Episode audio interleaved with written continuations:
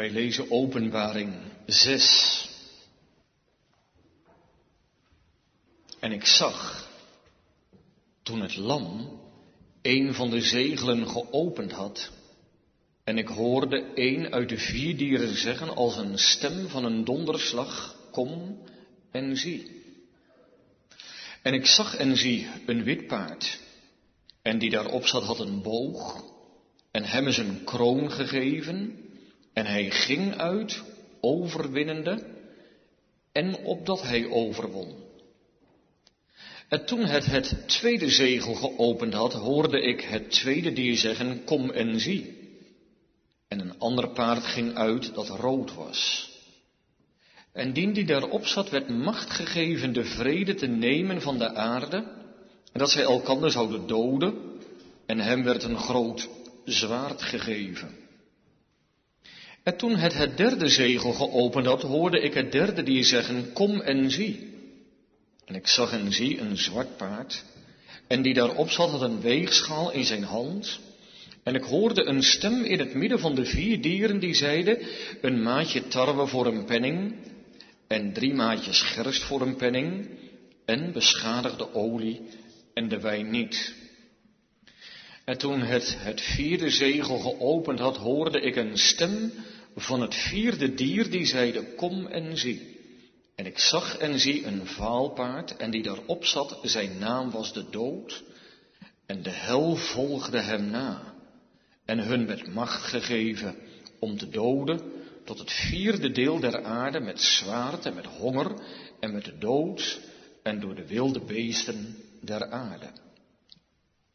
En toen het het vijfde zegel geopend had, zag ik onder het altaar de zielen dergenen die gedood waren om het woord Gods en om de getuigenis die zij hadden.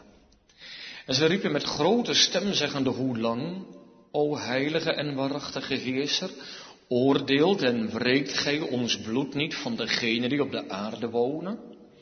En aan een iegelijk werden lange witte klederen gegeven en hun werd gezegd dat ze nog een kleine tijd rusten zouden totdat ook hun mededienstknechten en hun broeders zouden vervuld zijn, die gedood zouden worden, gelijk als zij.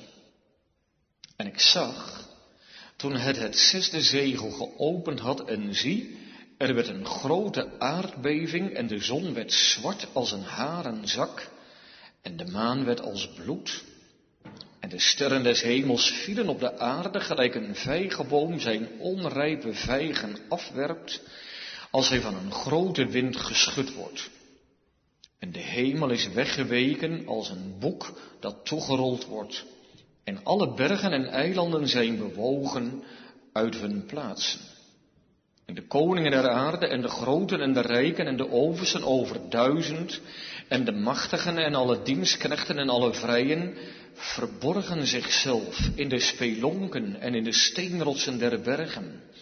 En zeiden tot de bergen en tot de steenrotsen, valt op ons en verbergt ons van het aangezicht des schenen die op de troon zit en van de toorn des lams. Want de grote dag zijn storens is gekomen en wie kan bestaan? Vanavond willen we stilstaan bij het zesde zegel, zoals u dat vindt in Openbaring 6, de versen 12 tot en met 17. Ik lees u het zestiende vers. En zeiden tot de bergen en tot de steenrotsen, valt op ons en verbergt ons van het aangezicht des schenen die op de troon zit en van de toorn des lams. Tot zover. Wij letten in de eerste plaats erop wie er bidden. En dan blijken dat allerlei groepen mensen te zijn uit allerlei lagen van de samenleving, koningen en knechten. Allemaal verenigd in een gemeenschappelijk gebed. In de tweede plaats, tot wie zij bidden. Tot de bergen en tot de steenrotsen. Raar? Een berg kan toch niet eens horen? En een steenrots kan toch niet helpen? Waarom bidden die mensen niet tot God?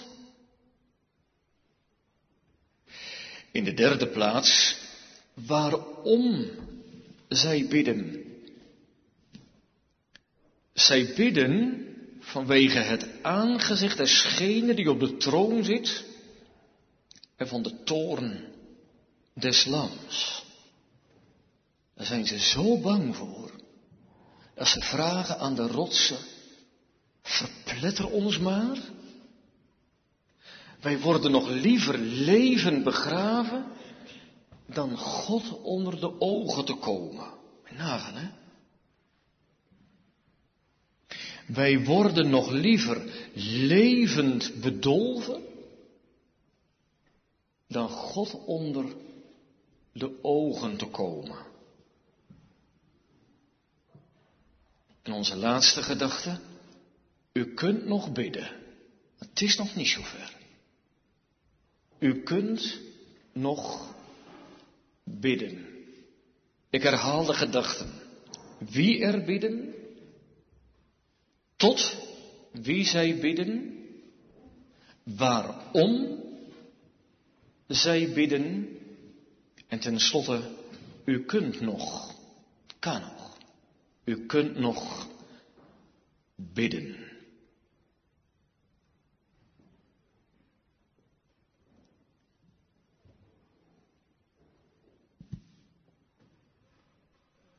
God heeft besloten.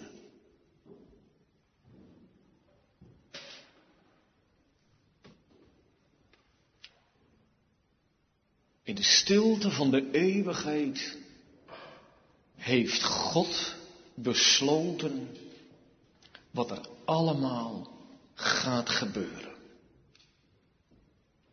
En hoe het gaat gebeuren.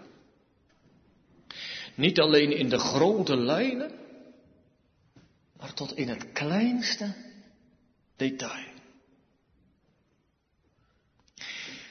En dat heeft God allemaal opgeschreven.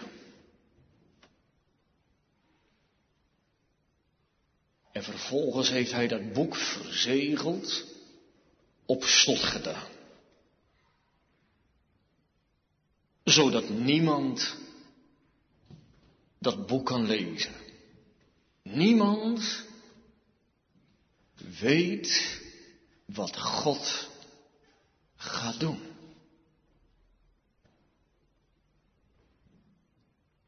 Een zegel verbergt de inhoud van het boek en verhindert de uitvoering van de inhoud van dat boek. Dus zolang dat boek dicht zit, op slot zit, dan kun je niet lezen wat erin staat. Je weet het niet. En wat erin staat, dat kan ook niet ten uitvoer gebracht worden. Dat is de betekenis van een zegel.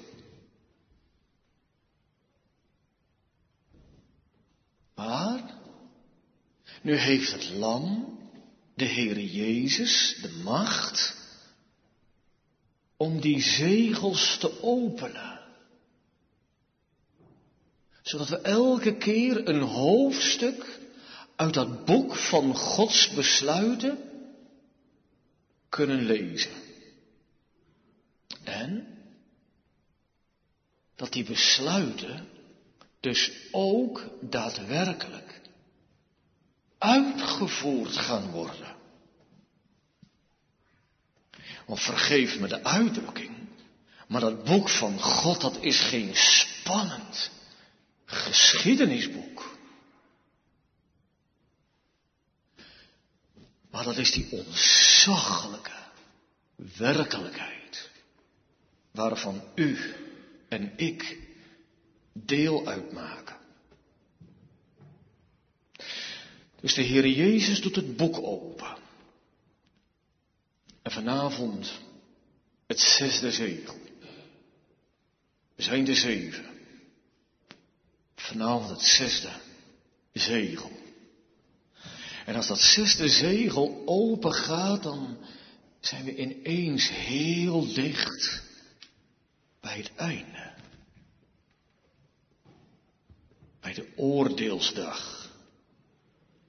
Heel dicht bij die grote witte troon van de Heere Jezus.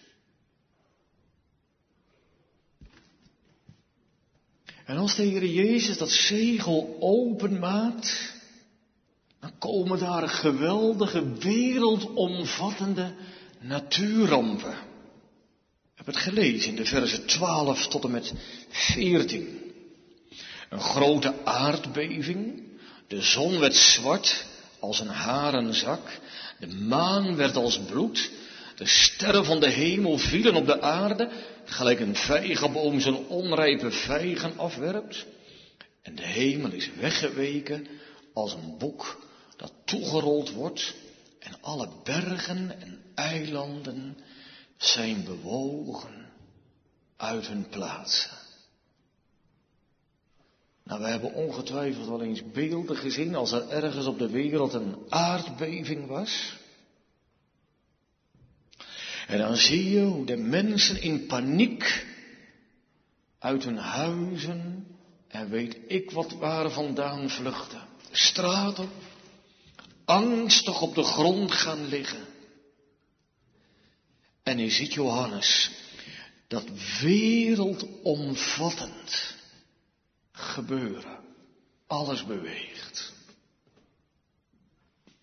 Het is alsof God, de Almachtige, die kleine aardbol in zijn handen neemt en door elkaar schudt.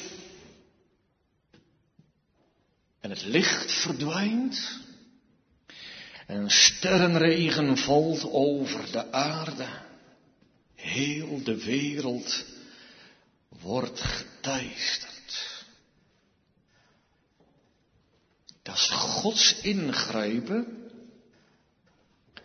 om de mens zijn nameloze onmacht te doen gevoelen.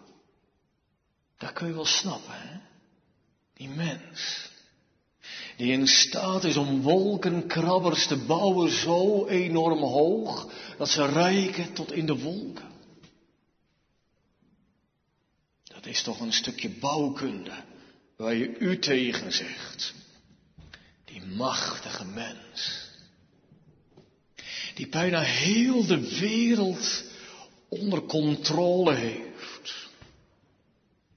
Die machtige mens die zo hoog is opgeklommen als het ware al de natuurkunde wetten als speelgoed in zijn vingers zijn. Die machtige mens, die bijna God is geworden en zich misdraagt als God. Die machtige mens, die wordt nu op zijn plek gezet. Dat hij niks kan en niks is. Hij wordt klein. Wat de mens met zijn grootste resultaten heeft gebouwd door de eeuwen heen. En het is magnifiek. Maar het wordt ineens door elkaar geschud. Weg. Ik heb het in gebed al gezegd, hè. Zie je het nou niet? Dat God er ons al een voorproef van geeft. Nu door dat onzichtbare virus en heel de economie en de geestelijke gezondheid van de mens en wat iets meer zij, gaat eraan. De mens heel de wereld in bezit had genomen en die de samenleving maakbaar onder controle had, staat met de rug tegen de muur.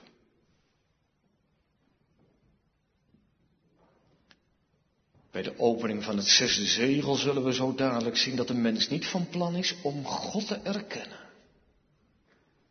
Dat is een van de boodschappen van vanavond.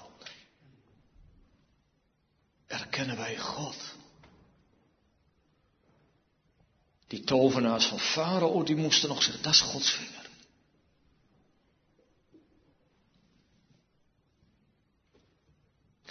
Gods majesteit zet ons op onze plaats en schudt heel de wereld door elkaar. Ah. God heeft zich lange tijd weg laten dringen. Want het is graag of helemaal niet. Denk er goed om. Als je God niet wil, dan zegt God prima, ga ik weg. We hebben hem weggelachen. Met de techniek hebben we hem verdreven, we hebben hem niet meer nodig. En God zei, nou goed, dan ga ik wel weg. Maar, nu dat zesde zegel geopend wordt, is God daarin eens. Want we kunnen hem lange tijd weglachen en wegdrijven en wegredeneren. Ach, God, waar is hij? Wat betekent God nog in deze maakbare samenleving? We kunnen het zonder hem prima aan. En dan ineens is God daar. Als de fundamenten van de aarde bewegen en als de zon ophoudt te schijnen. En het wordt stikdonker op deze aarde. Daar is God. Die we gehoond hebben. Die we uitgelachen hebben. En we konden hem altijd nog uit de vingers blijven. Tot op de dag van vandaag. Weinig reddingsoversten die God erkennen op de wereld. We proberen nog de problemen samen op te lossen. Maar als dat zesde, zesde zegel geopend wordt, dan kan God niet meer weggedrongen worden. Dan is Hij daar ineens op die grote dag. En de zelfverzekerde mens wordt angstig en gaat bidden. Nood leert bidden, zeggen we. Nou, dat zal wel blijken dat dat niet waar is. De geordende schepping, de kosmos, verandert in een chaos en ineens voelt iedereen het aan, dit is het einde. De genadetijd is voorbij. En leest u maar in vers 15. En de mensheid verraakt, geraakt in grote verschrikking. En de koningen der aarde. En de groten en de rijken. En de oversten over duizend. En de machtigen. En alle dienstknechten. En alle vrije. Zie ze gaan. De koningen vluchten uit hun paleizen en de eenvoudige arbeider uit zijn rijtjeswoning. En ze verenigen zich in een gemeenschappelijk gebed. Daar gaan ze, na de rotsen en na de spelonken. Gisteren heeft de koning en de machtige nog zijn bevelen uitgedeeld. En de dienstknecht, hij moest luisteren naar degene die over hem gesteld was. Maar nu het zesde zegel geopend is en God deze wereld door elkaar schudt en door elkaar rammelt. Nu vluchten zij gemeenschappelijk hand in hand naar de bergen en naar de spelonken van de aarde. Iedereen staat verschrikt. Ik zie ze wegvluchten. Als de aarde beweegt, de eilanden, de bergen, de een uit zijn prachtige nieuwe auto en de derde uit zijn vrijstaande huis. Uit de wolkenkrabbers, de luxe hotels. En daar vlucht de machtige mens weg. Zie je wel dat je alles achterlaat als God verschijnt. Ook als je zometeen gaat sterven.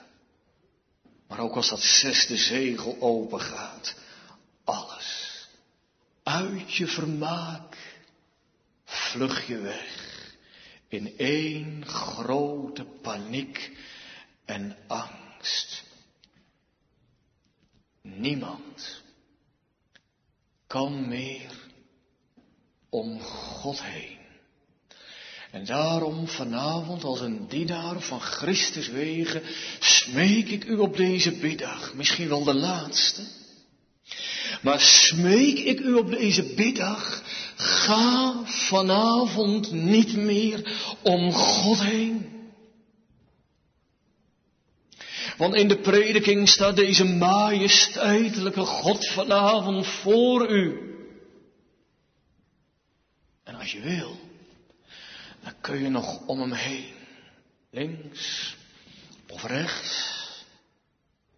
Als je wil, kun je hem nog weglachen en wegdenken. Als je wil, dan kun je straks na de kerk nog weer je gang gaan.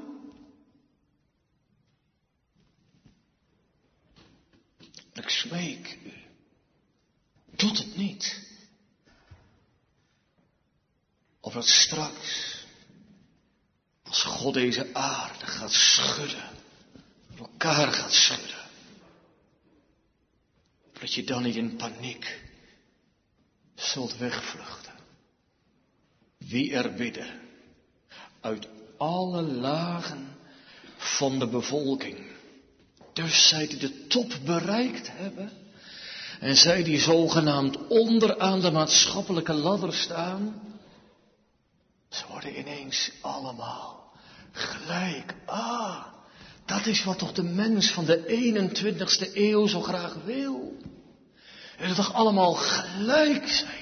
Man en vrouw, rijk en arm, alle verschillen die God gegeven heeft in de mensheid moeten weggevaagd worden, want niemand wil nog aan God denken. Wel, dat is de ironie van de hemel.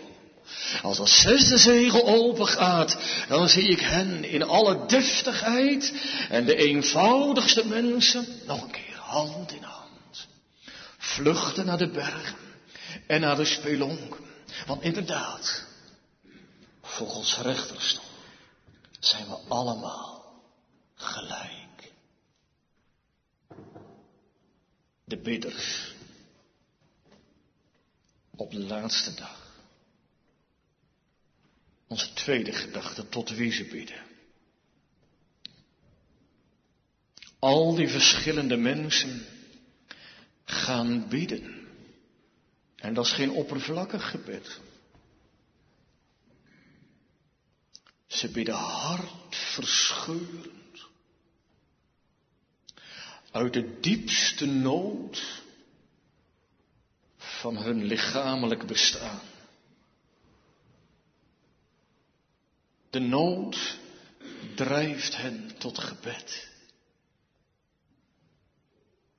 In zekere zin wenste ik te kunnen bidden, zoals deze mensen bidden. Wat ben ik vaak oppervlakkig? Wat zijn mijn gedachten dikwijls afgedwaald tijdens het gebed? Wat zie ik weinig van de nood waarin wij ons bevinden met onze kinderen. Maar deze mensen, ze worden door de nood gedreven. En ze roepen vanuit het diepst van hun lichamelijke bestaan. Ze bidden. Ze nemen de toevlucht. Maar kan ik het nog goed uithouden? Toch? Uithouden onder al de omstandigheden, in de hoop dat het morgen beter wordt. Uithouden met mijn onbekeerlijk hart en onbekeerlijke zin. Uithouden terwijl de dood langzaam maar zeker op mij afkomt, Wat kan ik het nog uithouden? Wat heb ik nog een uitvluchten? Maar deze mensen niet meer. Ze kunnen het niet meer uithouden. En nog een keer roep ik u de beelden in de herinnering van de mensen die in de paniek hun huizen verlaten, omdat de aarde beeft en schudt. Om dan niet bedolven te worden onder de stenen, onder de vallende stenen. Weg, ze vluchten weg. Omdat de aarde beeft, omdat de aarde schudt. Zo vluchten deze mensen weg naar de holen en de spelonken en de rotsen van de aarde. En ze bidden, ach, bid u wel eens. Vanuit de nood tot God. Maar deze mensen bidden niet tot God. Dat hebben ze nooit gedaan. Heb ik nooit gewild. Ze hebben God altijd ontkend. En zelfs nu de hemel en de aarde vergaan, roepen zij God niet aan. Wel, nee. Zij wenden zich tot het schepsel in plaats van tot de schepper. Zoals ze geleefd hebben, zo willen zij sterven. zoals ze geleefd hebben. Luister eens. Zou ik misschien vanavond bij deze groep mensen horen? Zoals ze geleefd hebben. Zij hebben altijd geleefd met hun blik gericht naar het schepsel en niet naar God. Zoals Paulus schrijft aan de Romeinen, het schepsel geëerd boven de schepper. Als ik maar kan genieten. Als ik het maar kan krijgen. Als ik mij maar kan vermaken op deze aarde. Wat heb ik met God te doen? Het gaat mij maar om het zingenot, om het hedonisme, om het vermaak, om het plezier. Ik heb genoeg aan het schepsel. Ik denk niet aan de dood. En ik denk niet aan God. Ik aanbid het schepsel. Ik ga ervoor. Ik werk ervoor. Ik wil ervan genieten. Je bent maar één keer jong en je leeft maar één keer. God, wie is hij? Wat heb ik met hem te maken? Ik denk hem weg. Ik wil hem niet in mijn leven. Hij zorgt ervoor dat ik niet kan genieten. En nu gaan deze mensen ten onder. Ze vluchten weg. Geen schreeuw tot God, maar tot het schepsel.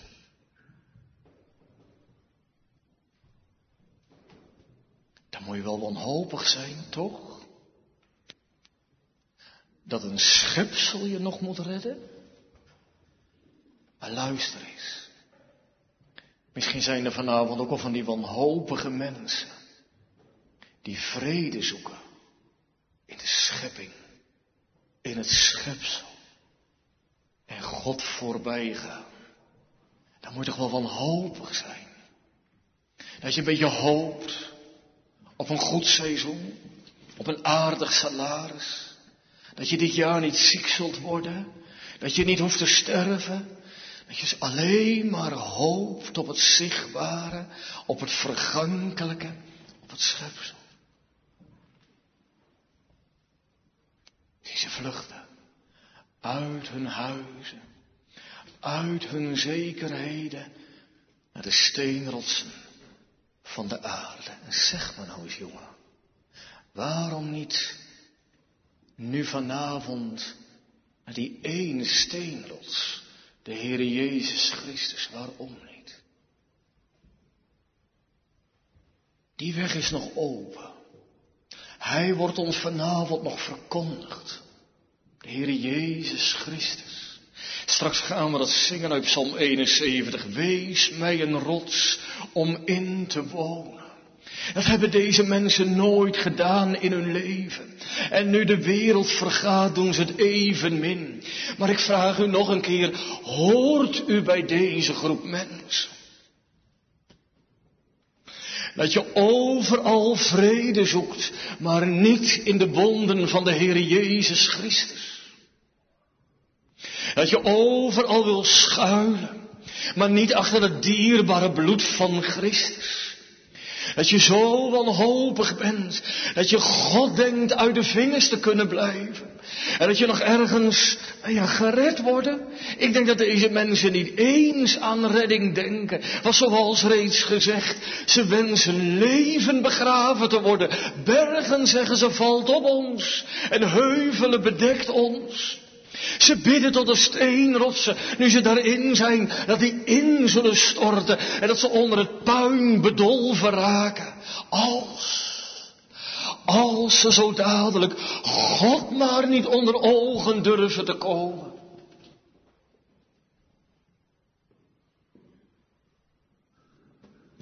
O, is het hem dat? Dat je volop in het ijdele vermaak de stem van je geweten tot zwijgen wilt brengen, omdat je God niet onder ogen wilt komen. Is het hem dat?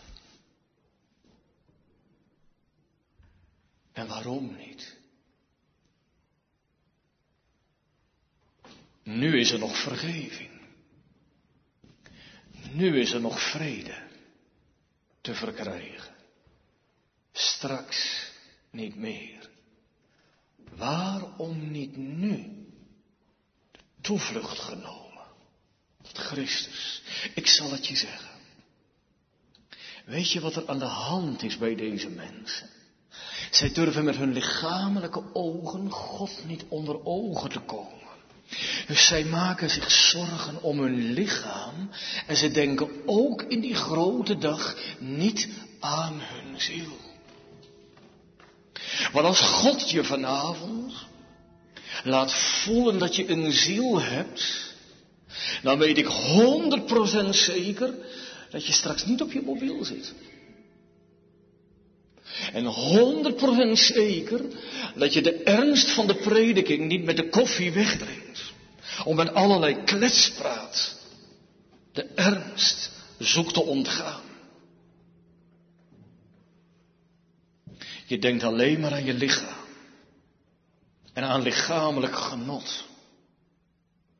En je denkt niet aan je ziel. Dat is de doodstaat van de mens. Zij bidden tot de rotsen, tot de spelonken, tot het schepsel. Ze hebben geen schuldbeleidenis. Ze hebben geen verootmoediging. Ze hebben geen godsbesef.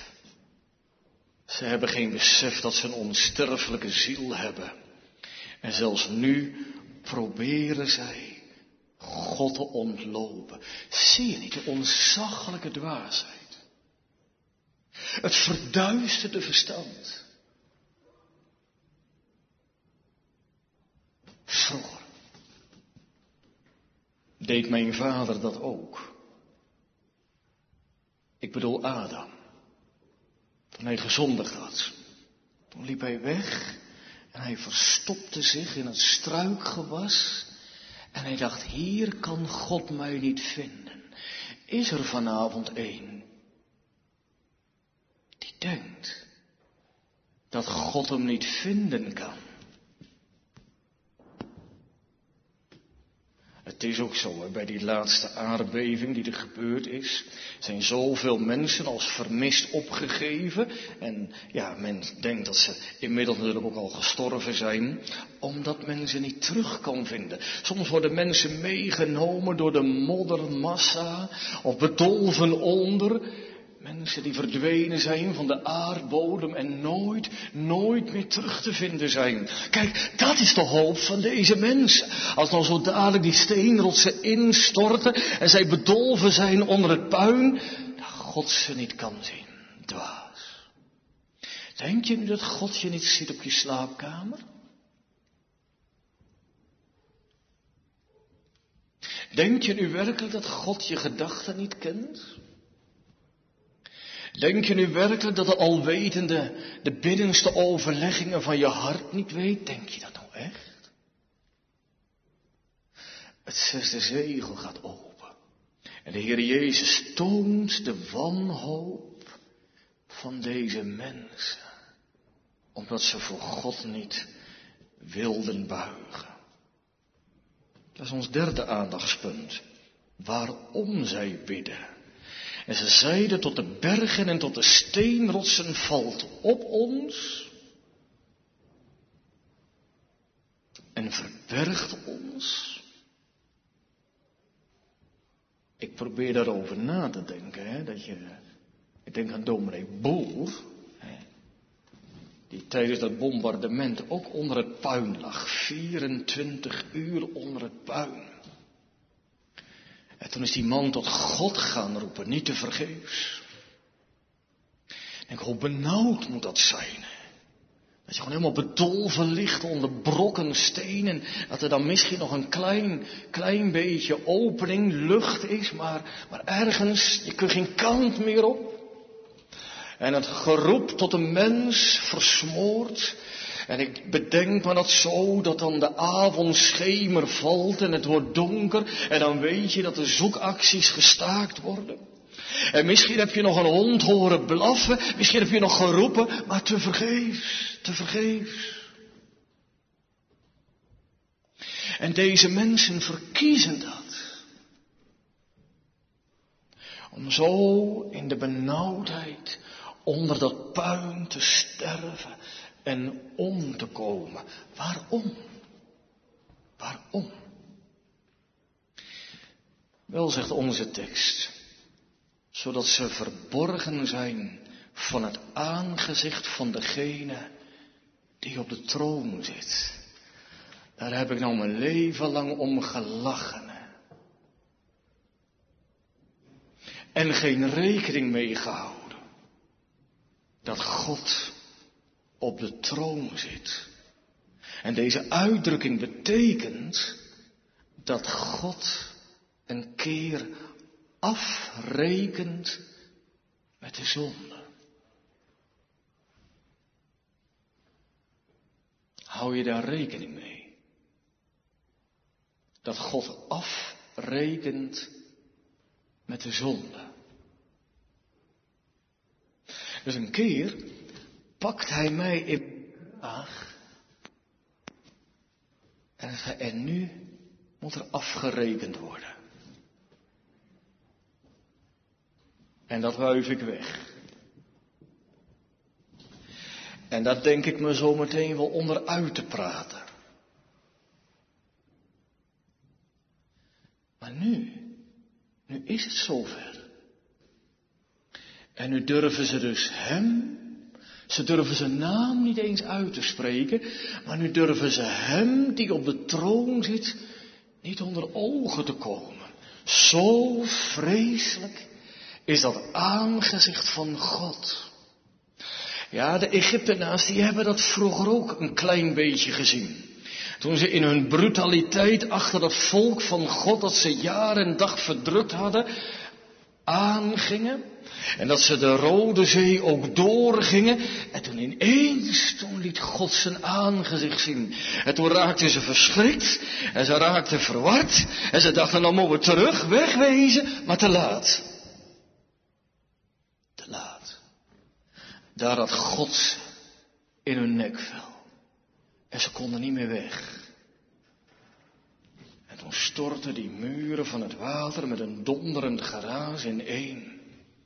En één voor één stonden zij voor de rechter van hemel en van aarde. Dus de Heer Jezus laat ons vanavond zien wat er gaat gebeuren. Nu wuif ik het weg, die op de troon zit. God rekent een keer met mij af. Dat zal zo'n vaart niet lopen. En dan, dan is het zover. En dat is zo verschrikkelijk. dat deze mensen liever levend begraven willen worden. Ze worden vervuld met huiver en ontzetting. Maar weet u wat meer is? Er staat in onze tekst, en de toorn van het lam. En de toorn van het lam, kan het wel? Een lam is toch zo zachtmoedig? Dat lam, dat kijk je met, met die eerlijke, onschuldige, argeloze ogen aan. Dat lam, dat vertedert. Dat lam, dat is een beeld in de schrift. Stemmeloos, gewillig, de Heer Jezus. Om te lijden en te sterven en de toorn van God te dragen, om zondaren zalig te maken, ja. Zo kijkt vanavond dat lam vanuit de prediking u en mij aan. Heb je het wel eens gezien? Heb je het wel eens gezien? Als dat lam geschilderd wordt in zijn gewilligheid. Als dat lam geschilderd wordt in zijn algenoegzaamheid. En dat lam dat kijkt vanavond de grootste, de vuilste van de zondaren aan. Zonder enig verwijt. En het lam strekt zijn handen uit en zegt, wie dorst heeft die komen en drinken van het levende water. En het lam dat nodigt elke vermoeide en belaste uit. En de ogen van het lam spreken boekdelen. En zegt, ik, ik, ik heb de toorn van God gedragen. En ik heb de beker leeggedronken. O kom, o kom.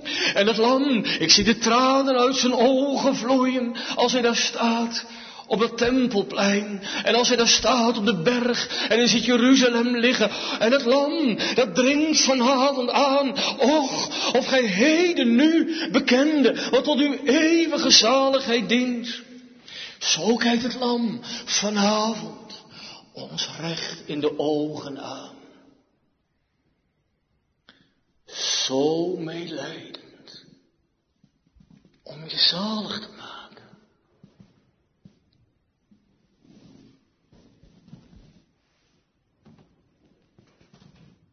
Dan breekt de dag aan. Dat God deze kleine aardbol in zijn handen neemt en door elkaar schudt. En dan zien ze datzelfde lam. Vlammen van vuur uit zijn ogen. Zo heilig. Zo vol toorn. En weet u gemeente, de toorn van het lam is vele malen erger dan de toorn van God. Weet je waarom?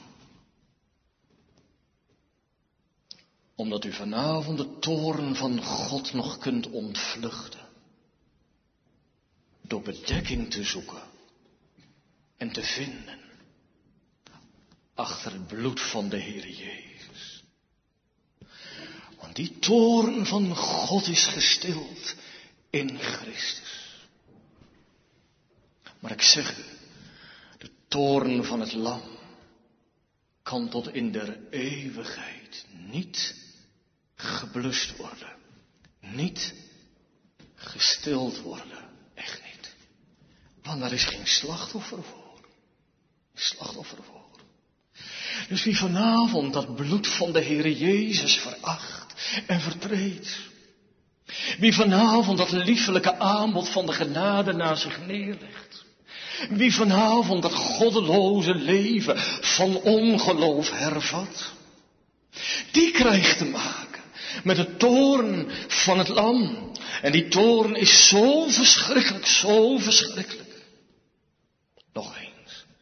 Dat men liever bedolven wordt onder het puin van de invallende steenrotsen dan met die toorn in aanraking te komen.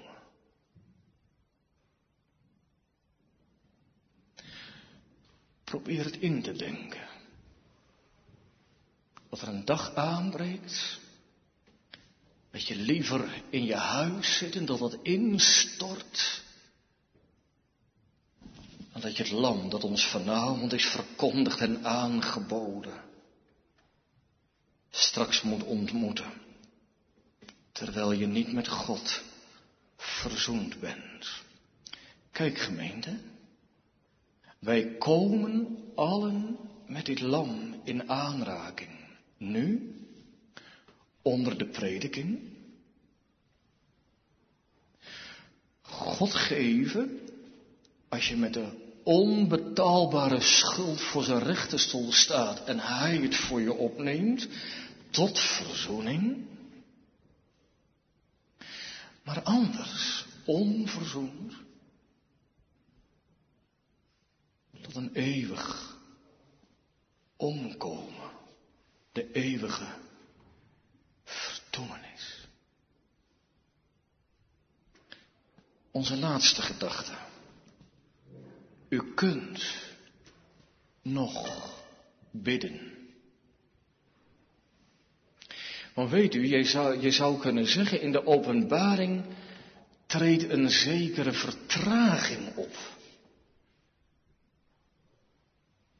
Want als je logisch nadenkt, dat boek heeft zeven zegels en het zesde zegel is geopend, zeg je nog één. Het einde is daar. Die grote oordeelsdag is aangebroken. Je kunt geen kant meer op. Je zoekt een plaats tot bedekking en het is er niet. De grote dag van zijn toren is gekomen, staat er in vers 17. En wie kan dan bestaan? Neem dat alstublieft ter harte. Neem dat alsjeblieft mee. Hè. Hij zegt, straks kan ik voor God niet bestaan. En dan gaat dat zevende zegel open en dan denk je, nou is het gebeurd. Maar nee. Nee. Dan niet. Als dat zevende zegel open gaat, dan komen er ineens zeven engelen met zeven bazuinen. En die bazuinen, die, die engelen die blazen op de bazuinen en elke bazuin die kondigt een oordeel aan. En als die zevende engel dan die zevende bazuin blaast, dan komen daar weer zeven engelen met zeven violen schalen, ook vol van de toren van God. Wat betekent dat? Ik bedoel het eerbiedig, maar het is net of God nog geen zin heeft in het eindoordeel.